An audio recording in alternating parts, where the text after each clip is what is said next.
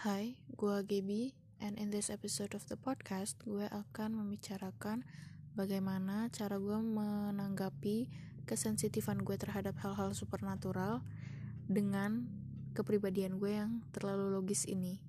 So, let's get started.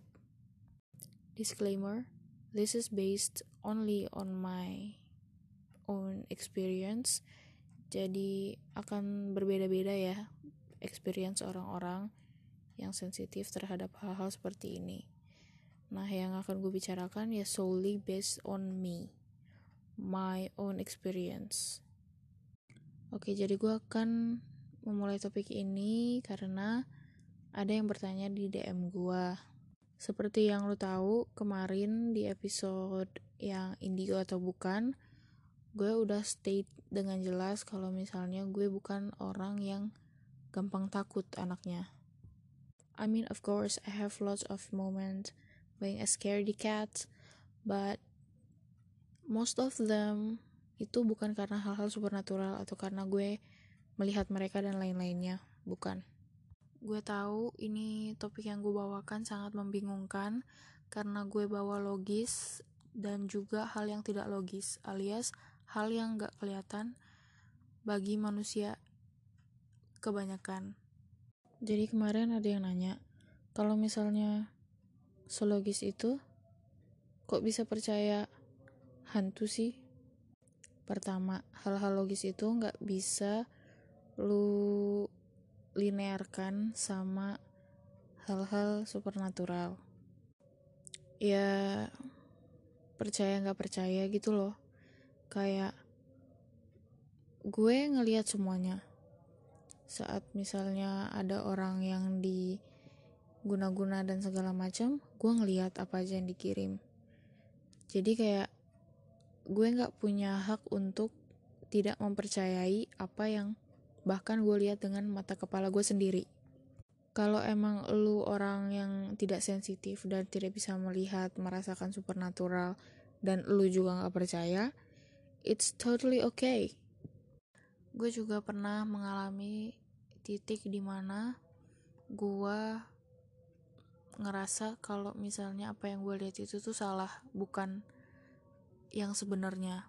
Gue mulai ngerasa kayak gitu tuh pas gue masuk sekolah. Ya pokoknya SD SMP SMA itu tuh gue udah ngerasa kayak apa sih?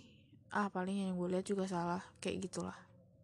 Soalnya pas SD SMP SMA itu kesensitifan gue tuh makin turun.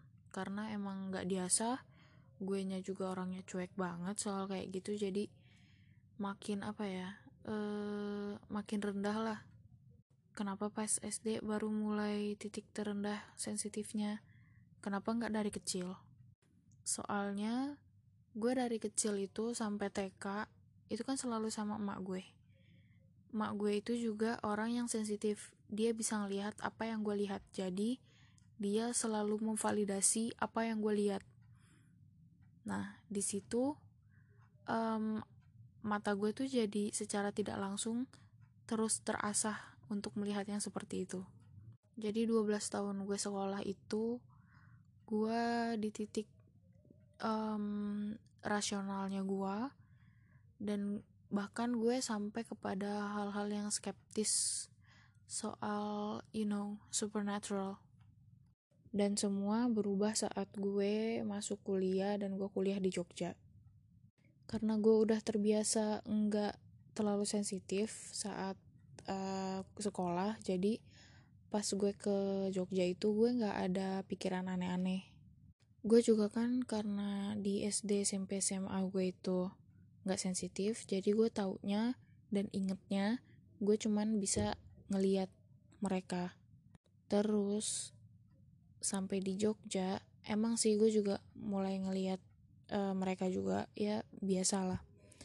Tapi tuh um, tiga bulanan gue di Jogja gue ngedenger uh, suara drum band. Itu yang pertama. Pertama banget gue denger suara drum band. Keras banget pas gue lagi doa pagi gue kan awalnya tuh ngekos di asrama gereja. Terus um, di asrama gereja itu biasanya setiap pagi jam 5 kita ada doa pagi. Nah pas lagi doa pagi itu gue uh, gue denger dengan jelas dan itu suaranya kenceng banget drum band. Dan gue akhirnya nanya ke kakak-kakak yang lain dan teman-teman gue yang lain juga dengar gak sih itu berisik banget suara drum bandnya apa segala macam. And no one hear that. Like gak mungkin kalau misalnya itu beneran kalian gak bisa denger itu. Like itu kenceng banget kenceng banget. Kayak hajatan gitu suaranya. Ya terus karena gue orangnya juga cuek jadi kayak ya udahlah mungkin mungkin gue ngantuk banget. Gue mungkin gue kurang tidur makanya gue bisa denger kayak gitu. Oke okay, never mind. Dan itu juga gue posisinya masih skeptical. Karena nggak ada yang bisa um, apa ya making sure. Jadi gue cuma berpikir oh oke okay, mungkin gue salah denger aja. Lalu uh, mulai dari situ tuh gue semakin sensitif makin sensitif makin sensitif selama di Jogja. Terus gue akhirnya uh, berteman sama orang yang juga sama. Nah bedanya kalau gue cuma bisa ngeliat dia tuh cuma bisa ngerasain. Nah teman gue yang satu lagi cuma bisa ngedenger suara-suara. Jadi uh, singkatnya kita saling melengkapi satu sama lain. Di situ tuh kita masih ya udahlah kita temenan karena emang cocok kita temenan karena emang ada satu hal yang membuat kita dekat jadi kayak kita nggak ada yang curiga soal soal kayak gitu. Nah terus kita juga memang deket kan sama salah satu kakak tingkat kita. Kita awalnya nggak tahu kalau misalnya dia juga orang yang sensitif. Nah pas akhirnya kita tahu kalau dia juga sama kayak kita it's mind blowing literally. Dari situ gue ngerasa banget gue semakin sensitif. Itu um, ya mata gue jadinya ya kayak gitu. Makin makin nggak bisa membedakan mana orang mana bukan. Apa yang gue lihat itu tuh selalu sangat jelas bahkan terlalu jelas. Terus kayak akhirnya kita berspekulasi soal um, emang sengaja anak-anak yang sensitif dan bisa di hal-hal yang supernatural itu diketemukan. Di situ gue mulai mempertanyakan apakah yang gue lihat ini benar atau tidak. Karena sudah ada dua orang yang membenarkan apa yang gue lihat. Jadi kayak gue tidak punya ruang lagi untuk bersikap skeptis. Nah walaupun nyokap gue juga bisa ngeliat, tapi tuh biasanya uh, dia tuh tergantung ngelihatnya. Nggak kayak gue yang tidak bisa memilih-milih apa yang mau gue lihat atau tidak terus nyokap gue juga orangnya uh, kagetan dan kayak masih ada rasa takutnya. Jadi dia tuh kadang suka apa ya teriak merinding sendiri dan segala macam. Itu tuh masih ada. Ya reaksi orang umum lah. Setelah gue ngobrolin itu sama kakak tingkat gue dan temen gue uh, libur semester itu gue pergi nginep di rumah saudara gue. Nah, uh, bokap nyokap gue juga datang dari Jakarta ke sana dan kita ketemuan langsung di rumahnya uh, tante gue ini. Terus di sana itu gue kayak mm, masih skeptis, sedikit skeptis apa yang gue lihat. Cuman ya udahlah. Dan emang gue kebiasaan untuk nggak ngomongin apa yang gue lihat. Jadi kalau gue lihat ya udah gue diem diem aja. Gue cuma bilang oke okay, ada di sana. I want go there gue nggak mau ke sana. Terus nyokap gue itu digangguin sama salah satu penunggu rumah tante gue. Dan akhirnya dia cerita dan apa yang diceritakan itu sama seperti apa yang gue lihat.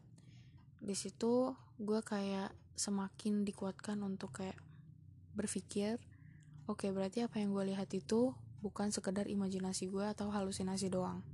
Walaupun terdengar konyol dan tidak masuk akal apa yang gue lihat itu ya bener. Terus gimana caranya kita tahu itu asli atau enggak? Apalagi kita kan nggak tahu dia beneran bisa lihat atau enggak. Ini susah sih ngejawabnya karena ini juga nggak masuk logika gue soalnya orang-orang kayak gue yang bisa ngeliat beneran biasanya itu nggak uh, memaksa kalian untuk percaya apa yang kita lihat. Jadi kalau misalnya ada orang yang kekeh banget nyuruh lu percaya apa omongan mereka itu kayaknya patut dipertanyakan deh. Berarti enak dong kalau misalnya punya temen yang sama-sama bisa lihat sama-sama bisa ngeliat hal yang sama. Nggak gitu sih cara mainnya. Walaupun kita sama-sama bisa kita tuh tetap uh, bisa aja ngelihat hal-hal yang berbeda. Kayak misalnya gue ngeliat uh, manusianya bentuk manusia terus teman gue ternyata ngeliat uh, bercak darah. Terus ada yang satu lagi ngeliat um, manusia dan uh, bayangan hitam tapi bercak darahnya nggak kelihatan. Itu tuh kadang tergantung. Jadi biasanya ada yang harus lebih konsentrasi untuk melihat seperti itu ada yang emang tidak dibiarkan melihat seperti itu. Bukan berarti kalau satu orang yang sensitif ngelihat terus semua orang sensitif lainnya juga bisa ngelihat hal yang sama. Dan pas nggak kayak gitu. Buktiin dong kalau lo emang bisa lihat buktiinnya gimana? Ini juga nggak masuk di logika gue cuma orang-orang sensitif lainnya yang bisa beneran proof kalau misalnya gue itu beneran bisa lihat atau enggak jadi maaf maaf aja ya orang-orang yang awam. Makanya ini kenapa gue juga nggak suka untuk um, ngasih tahu orang soal apa aja yang gue lihat, apa aja yang gue rasakan, apa aja yang gue dengar karena buat apa? Nggak, gue nggak bisa ngebuktiin juga gitu loh. Okay, so I'll end this podcast here. Uh, thank you for listening.